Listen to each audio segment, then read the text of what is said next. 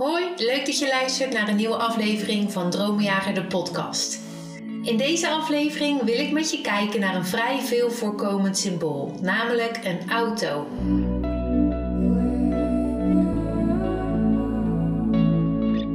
Misschien heb je het wel eens gehad, een droom waarin je in een auto zat en geen controle had, de rem het niet deed, dat hij heel hard ging of juist terug uitreed. Of dat er misschien iemand anders achter het stuur zat dan jijzelf. Nou, een auto is een interessant symbool. Allereerst wil ik tegen je zeggen: wanneer het een symbool is, is het dus een auto anders dan je gewone auto? Is het uh, een droom waarvan je weet dat het een symbolische droom is? Um, nou ja, al deze tips geef ik in hoe herken je een symbolische droom van God. Deze aflevering kan je vinden aan het begin van deze serie. In mijn boek Dromenjager spreek ik al volop over symbolen en hoe God spreekt onder andere door een auto. Ik geef ook een voorbeelddroom uit mijn eigen leven waarin God spreekt um, door een auto te laten zien. En ik ga dat voorbeeld later in deze aflevering ook noemen. Nou, heb je mijn boek Dromenjager nou nog niet? Dan kun je het bestellen op mijn website www.dietekouwmouw.nl. In het boek vind je eigenlijk de basis. Uh, één grote gereedschapskist als het gaat om jouw slaap, over dromen, over hoe God ontmoeten in de nacht, over Gods stem begrijpen in de nacht. En in deze podcastserie gaan we in op de symbolische taal die God vaak gebruikt in dromen, maar ook in beelden, visioenen, maar ook gewoon overdag. Wanneer God spreekt op allerlei manieren, door de natuur, nou ja, noem maar op. We gaan vandaag kijken naar een auto en een aantal andere voertuigen. En allereerst gewoon een simpele vraag: waarvoor is een auto? Een auto brengt je van de plek waar je nu bent naar de plek waar je naartoe wil gaan. Het is een middel om jou te brengen op je bestemming. Nou, dit kan spreken van jouw geestelijke bestemming. Dit is ook vaak het geval wanneer God er doorheen spreekt, maar het kan ook spreken over jouw uh, natuurlijke bestemming. Dus iets waar jij naartoe gaat in je natuurlijke leven. Het kan spreken van je baan. Je baan kan net zo goed onderdeel zijn van de bestemming die God voor je heeft. Nou ja, altijd weer de vraag: wat is de context van je droom? Wat gebeurt er in jouw leven nu? Waar praat je over met God in het nu? Uh, dat is allemaal belangrijk om achter de juiste interpretatie te komen van, uh, van het symbool. Dus een auto brengt je van de plek waar je nu bent naar de bestemming naar een bestemming, naar jouw bestemming, naar een plek waar je, waarvan je weet, daar ga ik naartoe. Nou, wat je wilt doen is opletten wat er gebeurt in de auto en eventueel wat het type auto is, wat voor kleur de auto heeft, wat de conditie van de auto is en, en alles wat maar opvalt in het beeld of in de droom. Ik noemde het net al even als voorbeeld. Het kan zijn dat jij in een auto zit in jouw droom en dat je hard gaat en de rem niet kan vinden en dat dit jou een oncomfortabel gevoel geeft. Dit kan spreken over dat God jou meeneemt in een soort uh, versnelling in jouw bestemming, maar dat je het eigenlijk nog heel spannend vindt om je over te geven aan Hem. Om je veilig te weten in Zijn plannen en de controle echt los te laten. Zo had ik zelf ook wel eens een droom dat ik uh, aan het rijden was over een weg en het was een nieuwe weg. Hij was net geasfalteerd. Hij was helemaal leeg en de auto ging echt keihard. En ik vond het geweldig. Ik genoot ervan. Ik lachte. Ik, ik gierde het uit van, van, van de fun en van plezier. Terwijl ik voor die tijd verschillende keren een droom had gehad. waarin ik eigenlijk uh, de rem van mijn auto niet kon vinden. En ik trok aan de handrem, maar hij deed het niet. En, en ik was echt door een proces gegaan om God dieper te vertrouwen met de bestemming die hij had voor mijn leven. En deze droom gaf eigenlijk heel mooi weer hoe ik daarin gegroeid was en hoe ik genoot van uh, het tempo en de richting die God met mijn leven nam. Dus dat Hij die bepaalde en niet ik. Dus ik zoefde over die weg en ik ging als een malle en ik genoot ervan. En ehm, het was een heerlijk bevrijdend gevoel. En, en, en een aanmoediging van God. Van hé, hey, ik zie jouw hart en ik zie dat je groeit in, in, in, in mij te vertrouwen. Met, met de richting en het tempo waarin ik jou meeneem in deze fase van je leven. Geweldig, super bemoedigend. Maar wat nou als jij droomt dat jouw auto wegglijdt? Dat die glijdt tegen andere auto's aan? Dat je bang bent om op andermans tenen te stappen wanneer jij stapt in de bestemming die God voor jouw leven heeft? Dat je bang bent voor de mening van anderen wellicht? Dat jij het gevoel hebt dat je de controle moet houden omdat je anders wel eens. Ehm, een brandende, uitslaande, vlammende bosbrand wordt voor Jezus. En dat je dat eigenlijk hartstikke eng vindt en hartstikke spannend. Dan kan God dus op deze manier spreken. Dat jij in een droom je auto voelt wegglijden. Dat je geen controle hebt. Dat je tegen andere auto's aankomt of zulke soort dingen. Nou, wat nou over het type auto? Want het type auto kan heel typerend en belangrijk zijn voor wat God tegen jou wil zeggen. Stel dat het een sportauto is die hard gaat, die snel gaat, die, die vaart kan maken, die veel pk's heeft dan kan het zijn dat God in deze fase van jouw leven jou meeneemt in een versnelling. Maar wat nou als het bijvoorbeeld een, uh, een busje is? Um, een, een, busje waarin je uh, een aantal mensen bijvoorbeeld mee kan nemen. Dan kan het zijn dat God spreekt dat in deze fase van jouw bediening of van jouw leven, dat God je uitnodigt om mensen mee te gaan nemen. Misschien heeft jouw auto een open dak en is het een, een cabrio en spreekt het over een open hemel. En, en dat God echt meer en meer uitstort van zijn aanwezigheid, zijn glorie en zijn openbaring. Een open dak, een open hemel. De weg is open door Jezus Christus. Het kan ook zijn dat je de kleur van de auto opvalt. En ik heb geschreven in mijn boek Dromenjager een, een, een droom uit mijn eigen leven waarin ik een autowissel had. En ik kwam op een weg, het was donker en voor mij kwam er een auto aanrijden. Ik zat zelf in een auto, ik stopte, de auto voor me stopte. En ik voelde me rustig, ik voelde me vredig, maar ook wel onderzoekend. Wat gaat er gebeuren? En het portier van de auto tegenover mij zwaaide open. Ik zag geen persoon, ik zag niemand, maar het was duidelijk een uitnodiging dat ik in de auto mocht stappen. En ik stapte uit mijn eigen auto en maakte als het ware een switch in auto. Ik maakte een switch, een, een, een verandering door in, ehm, in mijn bediening, in de, in de bestemming, in de plannen die God voor mijn leven heeft. En het was heel opvallend hoe deze auto eruit zag. Hij was allereerst was hij groot. Het was zo'n grote pick-up truck. Zo'n Amerikaanse pick-up met van die enorm hoge wielen. Een hele stoere auto. Hij was zwart. Hij was glimmend nieuw. En hij had een enorme grill op de voorkant. Nou, nu zou het kunnen dat ik misschien persoonlijk iets heb met dit type auto. Dat is niet het geval.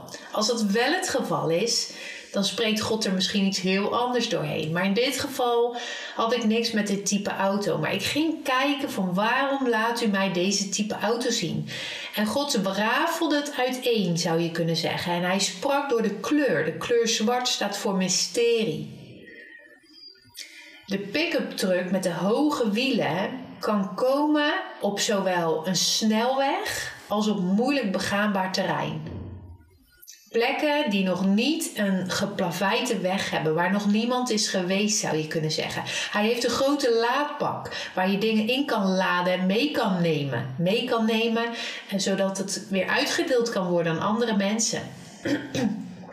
Deze auto was nieuw, hij was glimmend, hij was opvallend glimmend en nieuw. Alsof hij vers van de band uh, van, de, van de fabriek afkwam. En dat spreekt over het nieuwe wat ik met deze auto ging ophalen. De nieuwe mysteries van God. Hij had een enorme grill op de voorkant, wat spreekt van bescherming. Wat spreekt van dat God mij in dit nieuwe gebied beschermt en volledig om mij heen is. Met zijn engelenlegers en met zijn bescherming. Het heeft alleen aan de voorkant een bankje. Dat betekent dat ik niet direct mensen mee zou nemen, maar dat ik in dit geval alleen instapte, maar dat ik vele, ehm, vele mysteries in de laadbak zou leggen en mee zou nemen om weer uit te gaan delen. Nou, onderdeel van deze droom in de praktijk is wat jij nu aan het luisteren bent. Het zijn mysteries van God, dingen die ik heb mogen vinden op onbegaanbaar terrein waar nog weinig mensen zijn geweest. Die heb ik ingelaten in mijn laadbak en die heb ik meegenomen om nu te delen met jou. Dat is een droom van God in de actie, in de praktijk. Dat is profetie in de praktijk en ik hou daarvan. Want te lang hebben we profetie tot iets gemaakt waarin we zeggen: hé, hey, mooi woord, bedankt. Maar wanneer God spreekt, zegt Johannes 1, komt er leven en licht. Dat betekent dat wanneer God spreekt, creëert hij iets. En wij mogen meewerken in dat, in dat nieuwe, in hetgeen wat hij creëert. Wij mogen meebewegen in wat hij daadwerkelijk wil doen door wat hij spreekt. Dus het type auto is iets waar God doorheen wil spreken wanneer het jou opvalt. De kleur, de conditie.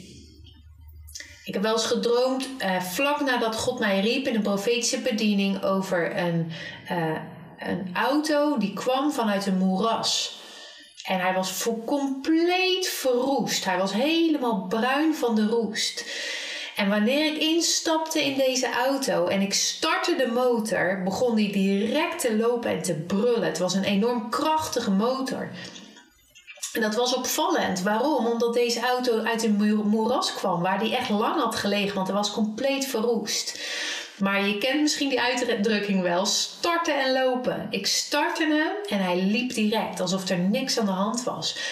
En God sprak door deze droom dat juist het profetische in Nederland lange tijd in een moeras heeft gelegen, maar dat wanneer het um, gestuurd wordt, wanneer het, um, uh, hoe, hoe, zeg ik dat in een goed Nederlands woord, wanneer het uh, gedragen wordt. Door de profetische bediening heeft direct een enorme kracht en is het nooit in kracht verloren is het nooit in kracht verloren. Dus iets wat lang in een moeras heeft gelegen, wat onder de oppervlakte is geweest, waar, waar mensen niks van moesten hebben. Wanneer het gedragen wordt door de profetische bediening, is het starten en lopen. Het is direct krachtig en het is nooit in kracht verloren. Zo mooi kan God spreken door een auto. Hoe bijzonder. Hoe bijzonder. Het gaat er allemaal om of dat je het ziet. Het gaat erom dat je ogen krijgt om te zien en oren om te horen wat de geest van God tegen jou wil zeggen. Een auto dus. Misschien heeft hij een specifiek nummerbord. Misschien weet je dat de auto van iemand is. Misschien zit er iemand anders achter het stuur en is dat de Heilige Geest die jouw leven leidt en die jou brengt op je bestemming. Misschien is er juist een uitnodiging dat je achter het stuur vandaan komt en Jezus achter het stuur laat. Misschien is het een uitnodiging om mensen mee te nemen of juist mensen af te zetten. Nou, dit kan allemaal belangrijk zijn. Waar is je auto? Rijdt die hard? Rijdt die langzaam? Wat voor weg rijdt die? Wat zijn de specifieke eigenschappen van de auto? Ik kreeg eens een droom en die gebruik ik vaak op de School of Night and Dreams als voorbeelddroom, die we dan met elkaar gaan interpreteren. En dat was dat ik op een parkeerplaats was. En op die parkeerplaats um, uh, bediende ik mensen. En een parkeerplaats is een plek waar auto's even komen om te rusten en vervolgens weer doorrijden. Dit zijn allemaal details waar je aandacht aan wilt besteden. Nou, wat nou als God spreekt door andere voertuigen? Wanneer hij bijvoorbeeld spreekt door een bus. Nou, een bus, wat is een bus? Een bus kan vele mensen meenemen.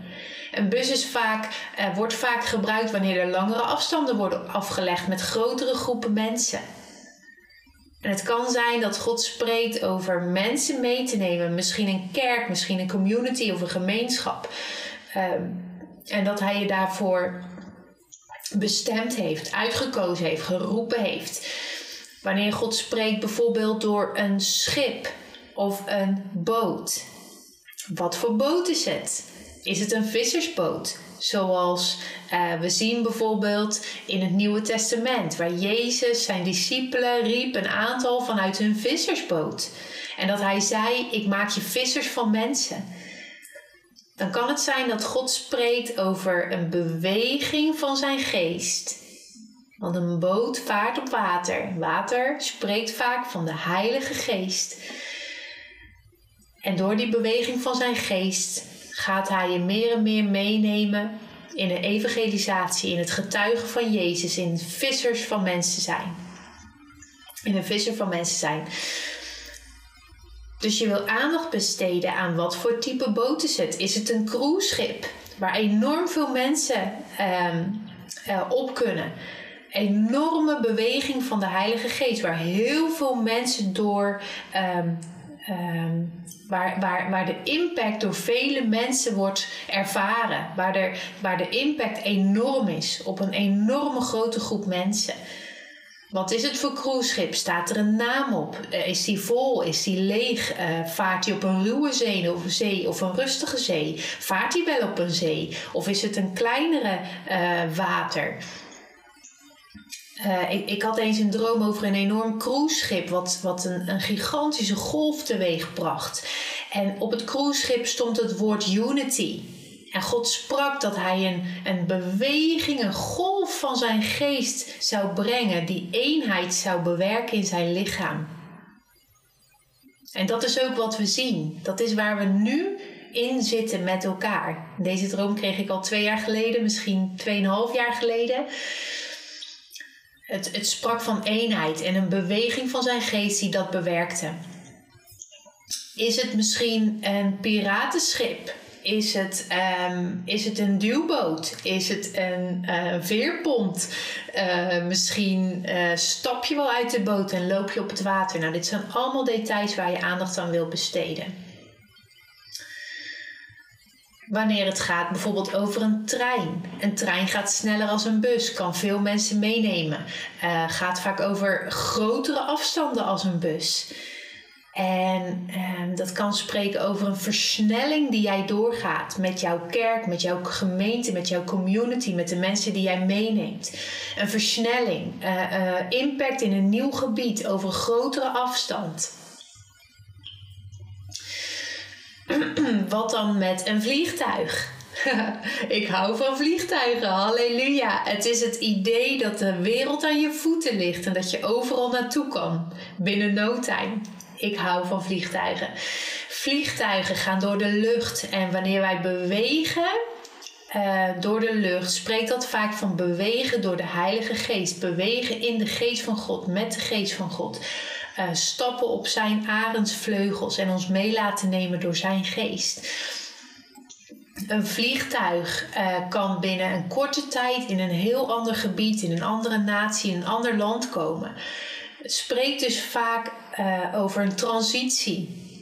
Uh, waarin je uh, misschien naar een nieuw gebied letterlijk gaat, een nieuw land letterlijk gaat, of misschien in een korte tijd een verandering doormaakt in jouw leven of bediening, in jouw bestemming. Waar gaat het vliegtuig naartoe? En wat gebeurt er met het vliegtuig?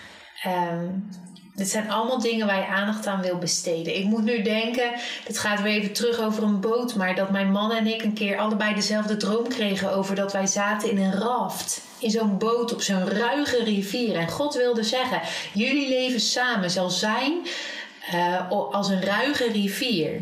Want mijn beweging, mijn geest in jullie leven is als, als een ruige rivier. En ik zal jullie meenemen op avontuur. En het zal, uh, het zal spannend zijn, maar op een leuke manier. En uh, dat is, heel, dat, dat, dat is heel typerend ook echt voor ons leven. Terwijl we die droom al jaren geleden hebben gekregen. En we zien dit ook in ons leven. We verlangen naar nog veel meer avontuur. Maar misschien hou jij helemaal niet van avontuur. En al helemaal niet van een ruig, uh, ruig water of een ruige beweging van Gods geest. En heb je liever een kabbelende rivier. Dan kan het zijn dat, dat God daar doorheen spreekt. Of dat hij je juist uitnodigt naar iets wat, wat nieuw is waar jij geen controle over hebt, waar je Hem dieper in mag vertrouwen. Nou, voertuigen. De vraag is: Wat is het kenmerk van zo'n voertuig? Wat doet het? Wat kan je ermee? Wat zijn de specifieke eigenschappen? Kleur, uh, conditie. Uh, waar gaat het heen? Wat doet het? Wat valt je op? Allemaal dingen waar God doorheen wil spreken. Ik herinner me nu een droom die ik nog maar een paar dagen geleden kreeg voor twee andere mensen.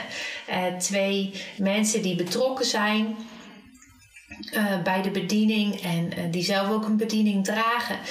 En God liet mij het volgende zien. Ik kwam bij hun en hun waren bezig met een soort bakje.